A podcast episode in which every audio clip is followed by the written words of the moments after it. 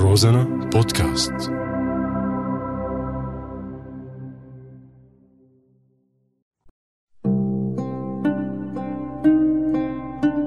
بعدك على بالي. بعدك على بالي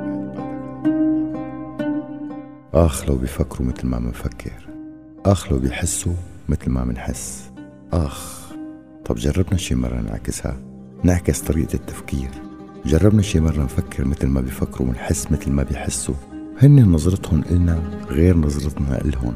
ما بيفكروا مثل ما منفكر هذا طبيعي بمسافة الثقافة اللي بيننا وبينهم. نحن شعب عاطفي. هن باردين اجتماعيا. نحن شعب متماسك أسريا. مو مثلهم مفككين هالمساكين. هن بس صار الولد عمره 18 سنة بصير مسؤول عن حاله. مو مثل عنا بتلاقيه قد الشنتير ومادد إيده لأبوه عم ياخد خرجية منه. ولازم أبوه يأمنه ويجوزه.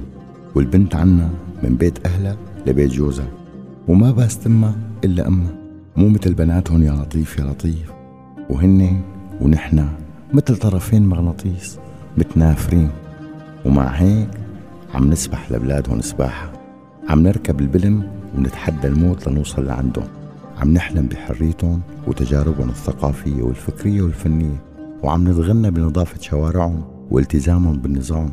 عم نتحسر على حالنا على قد ما الإنسان عندهم له قيمة وكرامته محفوظة مع إنهم مو شعب عاطفي ومفككين اجتماعيا وما بيفكروا مثل ما منفكر ولا بيحسوا مثل ما منحس ويمكن يعتبر كل هالتفكير فيهم كفر نظامي. ومع هيك بعدك على بالي بعدك على بالي. بعدك على بالي.